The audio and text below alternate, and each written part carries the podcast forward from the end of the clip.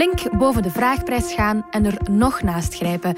Een huis dat al verkocht is voor je het bezocht hebt. Wanneer daar eigenlijk iets richting mijn budget ging en we belden, dan was dat eigenlijk direct al optie zelf. Toch kiezen voor innovatie, maar de facturen de hoogte in zien gaan door woekerprijzen. Dus ik denk als ik nu dezelfde aantal isolatie zou kopen als, als twee jaar terug, ik denk dat 30, 40 procent er bovenop is. Of wekenlang in het stof zitten omdat materialen op zich laten wachten. Standaard constructiemateriaal was gewoon niet meer op stok. Klinkt dit bekend? Voor heel wat jongeren is een huis bezitten een droom geworden. En toen is onze moed zo wat in onze schoenen gezakt, omdat we door hadden van ja, al die koppels hier, die zijn ook nog een huis aan het zoeken hier in de omgeving. Wie kan nog een huis betalen? Ik heb zo het gevoel dat wij zo nog de laatste generatie zijn die misschien nog een huis heeft kunnen kopen. Het is donderdag, 21 april. Ik ben Marie Garé en dit is vandaag, de dagelijkse podcast van de Standaard.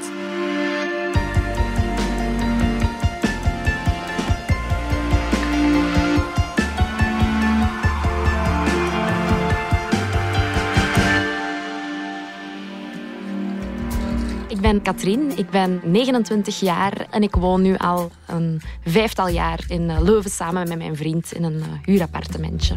Katrien Cambré en haar vriend waren een tijd lang op zoek naar een huis in Leuven.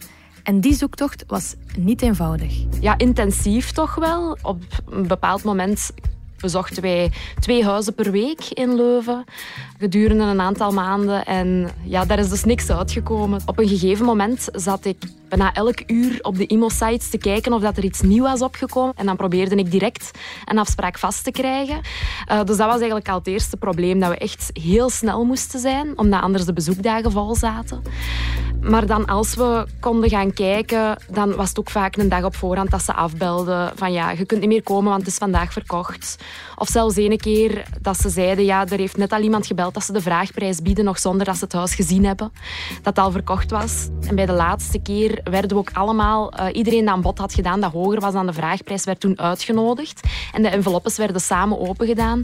En wij stonden daar met negen of tien koppels of zo.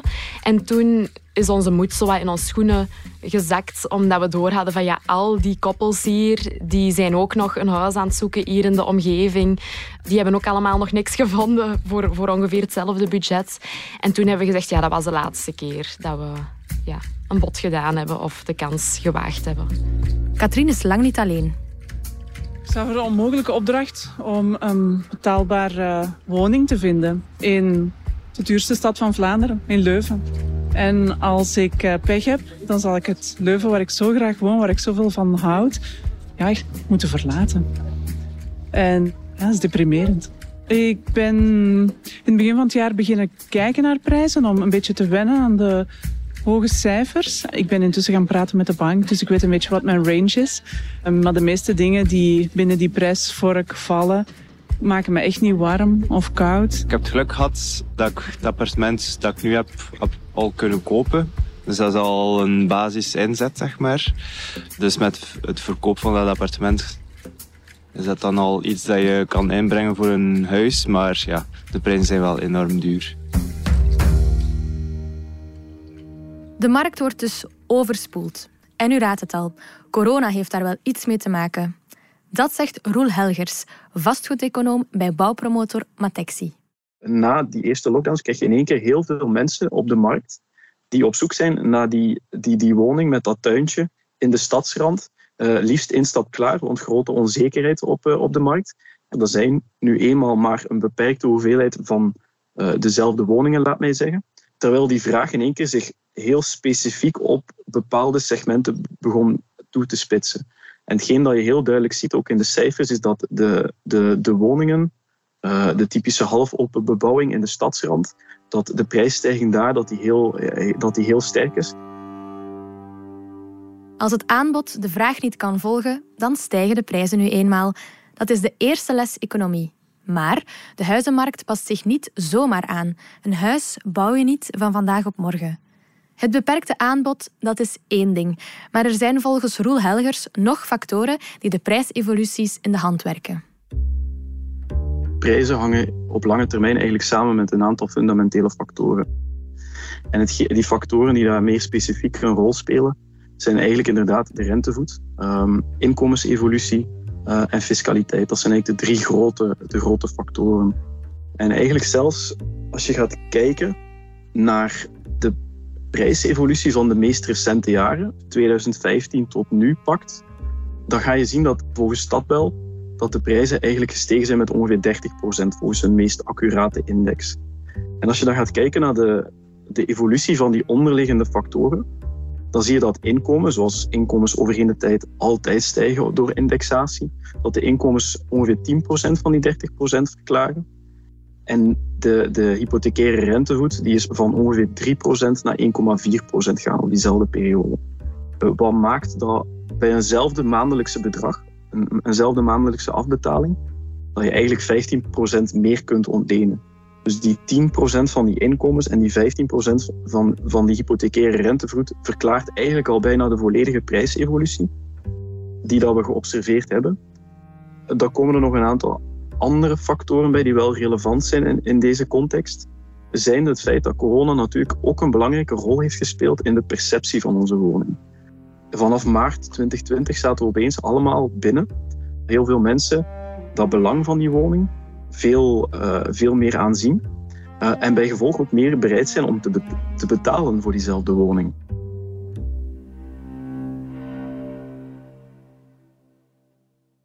Ik ben Lotte van den Heuvel, ik ben 25 jaar en ik ben alleen op zoek naar een huis geweest. Ik ben doctoraatstudent, dus ik heb niet een laag loon, als ik dat zo kan zeggen. Lotte ging op zoek in Antwerpen. Dat is ook niet bepaald een makkelijke stad om een huis te vinden. Maar als alleenstaande een lening krijgen, dat was de eerste grote uitdaging. Maar dan was het eigenlijk toch wel verrassend hoe weinig dat ik als alleenstaande kan lenen. Zeker aangezien dat een doctoraat is, een vast contract, um, maar met een bepaalde duur. Dus um, na vier jaar zou dat stoppen, zo gezegd. Maar ja, het is niet dat ik dan geen job ga vinden of dat ik niet, niet ja, ergens anders kan beginnen. Dus ja, dat was toch eigenlijk wel verontrustend. Ik ben zo bij um, en alles geweest. En daar was hij eigenlijk ja, vrijwel onmogelijk. Ja, we dachten, ja, die gaan ons toch wel de best mogelijke prijs geven. Eh, alleen de best mogelijke rentevoet en alles. Maar eigenlijk was dat niet het geval. Eigenlijk had ik heel veel startkapitaal nodig vooraleer dat ik daar kon lenen. Dan ook nog aan een tamelijk hoge rentevoet. Dus dat was, ja, eigenlijk sloeg dat toch wel een beetje tegen. Dankzij de hulp van haar ouders kon Lotte toch een interessante lening krijgen bij de bank van haar ouders zo typisch Vlaams gezien, altijd bij dezelfde bank. Ik heb heel veel chance dat mijn mama en papa um, dan toch besloten hebben van ja, deze is echt niet te doen. We zouden toch graag hebben dat je dan toch iets zou kunnen kopen. En dan hebben ze besloten voor um, ja, toch mij wat centjes te geven, dat ik toch de mogelijkheid heb om iets te kopen. En net als bij Katrien ging ook bij Lotte de zoektocht niet heel vlot. Ja, dan hebben we eigenlijk uh, die bieding gevolgd en dan is dat weggegaan voor 285. En dan nog een tweede huis, dat was in Berchem. Dat was eigenlijk een heel klein huisje. Het bedrag was 130. Vocht was in de muren, die aan het binnenregenen was. En dat is dan uiteindelijk gegaan voor 195 of 199. Dus ja, daar kon ik dan ook niet aan. Dan had ik het eigenlijk zo opgegeven. Maar op een mooie dag viel alles dan toch in de plooi ja, met een buitenkantje heb ik dan toch een huis kunnen kopen. Dat huis dat was echt zo goed in orde voor de prijs dat ze vroegen. Ik heb dan ehm, de vraagprijs geboden. Denk 500 euro boven de vraagprijs of zo. Dus, want ja, ik kon echt niet zoveel meer. Um, maar ik had wel getekend zonder opschortende voorwaarden. En dan hebben die mensen dat eigenlijk direct aangenomen. Lotte vond dus een huis in de regio waar ze het liefst wilde wonen, na twee jaar zoeken. Maar Katrien had dat geluk niet in Leuven en ging over naar plan B. Ik zei ook al tegen mijn vriend van bouwen, dat wil ik echt nooit van mijn leven doen. Maar hij zag dat wel zitten. Hoe meer ik daarmee bezig ben, hoe meer zin ik daar zelf ook wel in krijg. Dus, uh... En dan hebben we uiteindelijk een aantal keer gaan kijken naar een woning uh, in de regio van waar onze ouders wonen. Dus dat is dan in de Kempen eigenlijk terug. Um, maar dan eigenlijk toch beslist van zelf iets te bouwen. Omdat we die woningen, ja, eigenlijk spraken die ons niet zo heel veel aan. Zo die charme van die Leuvense rijhuizen, dat heb je daar niet zo echt. Uh, dus dan hebben we toch beslist om uh, ja, een nieuw bouwwoning te gaan bouwen. Dus we hebben pas een bouwgrond gekocht. En uh, nu is het plan om daar ons droomhuis op te zetten. Hè. Een huis bouwen is natuurlijk ook niet evident en kost zo mogelijk nog meer. Ook de kost van bouwmaterialen is de laatste tijd stevig de hoogte ingegaan, zegt Roel Helgers. De productieketen van bouwmaterialen is een wereldwijde. Je moet dat eigenlijk zien als een heel goed geoliede machine, die door corona natuurlijk waar zand in die machine werd gestrooid. Materialen worden, worden wereldwijd geproduceerd en in één keer die aanvoerketens vallen compleet stil. En zoals dat dan typisch gaat bij zo'n goed geoliede machine, is het heel moeilijk om die terug, uh, terug op gang te krijgen. Terwijl dat die vraag heel hoog is, wat natuurlijk maakt dat op het moment dat uw vraag sterk toeneemt en uw aanbod neemt af, dan logischerwijs de prijs van uw bouwmaterialen dat die, dat die stijgt. En eigenlijk zie je het laatste jaar dat de prijs van bouwmaterialen grosso modo 20% gestegen is. We worden dicht bij Gent wonen, tuintje, genoeg kamers en toch wat charme en potentieel. U hoort David Braakman. Hij kocht met zijn gezin een op te knappen huis in Gent. Uh, we hebben een oud huis gekocht waar serieus wat werk aan is. Dus chance dat, dat ik met mijn beroep handig ben. En dus ik, ik, het was van in het begin de bedoeling dat ik zoveel mogelijk in het huis ging werken. En zo, uh, dus we weten dat het een, lang, een langtermijnproject is. We kunnen daar geen aannemer op zetten die ons huis op een jaar tijd verbouwt. De eerste stap bijvoorbeeld is, is, was het afbreken, maar dan heel snel gaan isoleren. Om de zoveel tijd kreeg ik een mail van die filiaal. Let op, prijsstijging. Zoveel procent erbij. Dus ik denk als ik nu dezelfde aantal isolatie zou kopen als, als twee jaar terug, ik denk dat 30, 40 procent er bovenop is. En dat is eigenlijk allemaal voor materiaal die verstopt zit in je huis. Dus dat is echt gewoon afvoerbuizen, elektriciteitsdraden, isolatie. Dat is nog geen keuken, nog geen zetel, nog geen mooie afwerkingsdingen. Dus uh, ja, het is, uh, boodschap is zoveel mogelijk zelf doen eigenlijk.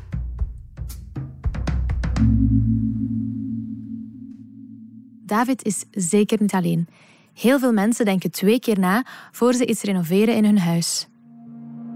Wij zijn van plan om onze gevel te laten renoveren. En ik heb net offertes gevraagd bij twee bedrijven, of zelfs bij drie. En wij zijn toch wel heel erg geschrokken van de, van de prijs die eigenlijk dubbel zo hoog uitviel dan wij oorspronkelijk hadden gedacht. We zijn nu aan het kijken naar alternatieven om dat een beetje te downscalen hier in Brussel moeten alle woningen ook energiezuinig gemaakt worden. Hè. Men wil daarop inzetten met het gewest vanaf 2025. Maar dat vraagt ook grote investeringen. En met de waanzinnig gestegen prijzen in de, in de bouwsector is dat toch wel, uh, ja, dat zorgt toch wel voor kopbrekers bij vele mensen. Ik merk wel dat het duur aan het worden is en dat er ook heel veel vertragingen zijn eigenlijk. De offertes van mijn aannemers zijn echt al een heel aantal keer uh, in de hoogte aangepast. Ik kan niet iets uitstellen. Het enige wat ik kan doen is meer zelf doen. Dus dat probeer ik inderdaad nu uh, een paar dingen toch wel zelf te doen. Of toch op bepaalde goedkopere keuzes te maken, gelijk in de materialen van de keuken en zo. Wij hebben een huis gekocht, ik denk zo'n 17 jaar geleden. We hebben een serieuze renovatie moeten doen. Dat was een oud huis van eind jaren 60. Dan serieus geïnvesteerd. En nu merken we, ja, al die nieuwe renoveringen, die zouden nog moeten gebeuren.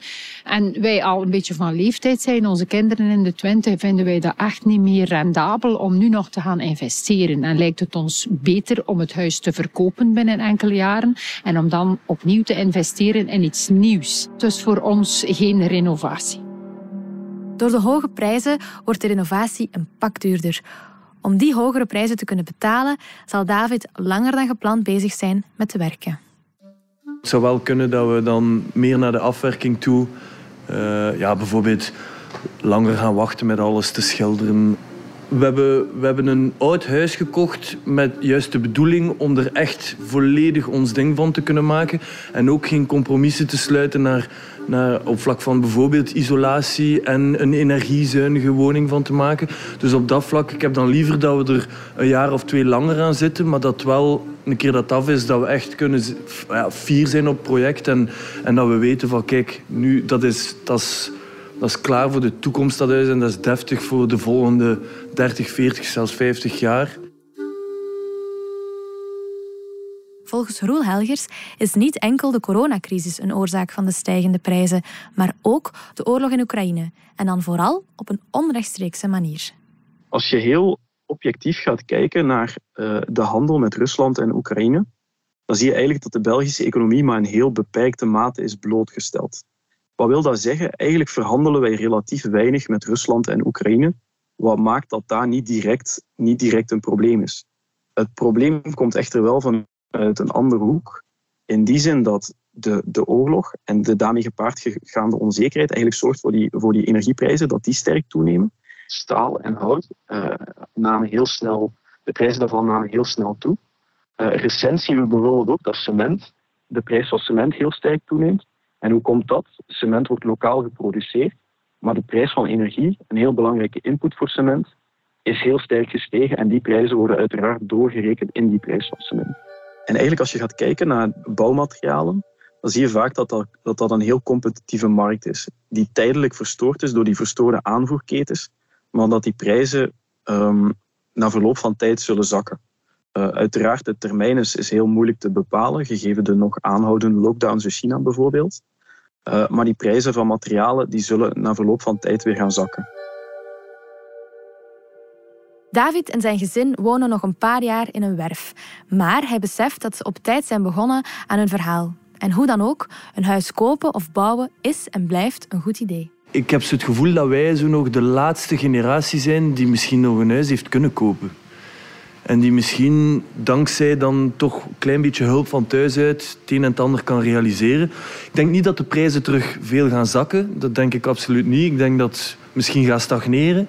En als je ziet hoe, de, dat de vastgoedprijzen, ja, gewoon ons huis al, die stel nu in de ruwbouwfase opnieuw geschat zou worden ten opzichte van twee jaar terug. Ja, dat is gewoon belachelijk eigenlijk hoeveel geld dat je betaalt voor maar een rijhuisje. Dat is eigenlijk maar een lapje grond en een gevel dat je koopt. Hè. En dan moet je zoveel geld voor neertellen. Dus, ja. Uh, mijn persoonlijke visie is dat vandaag de dag op zich, ondanks de uitdagingen die we zien, dat het uh, zeker nog een goed moment is om te kopen. De reden is eigenlijk vrij simpel. We zien de hypotheekrente lichtjes stijgen. Wat maakt dat het, het wordt terug duurder om te lenen en de prijzen zullen niet dadelijk zakken. Uw inkomen zal geïndexeerd worden als gevolg van inflatie. Die hypotheekrentes in beperkte mate stijgen. En dat maakt dat vastgoed nog altijd een, een zeer interessante belegging blijft. Dit was vandaag, de dagelijkse podcast van de Standaard. Bedankt voor het luisteren. Alle credits van de podcast die je net hoorde vind je op standaard.be/slash podcast. Reageren kan via podcast.standaard.be. Morgen zijn we opnieuw.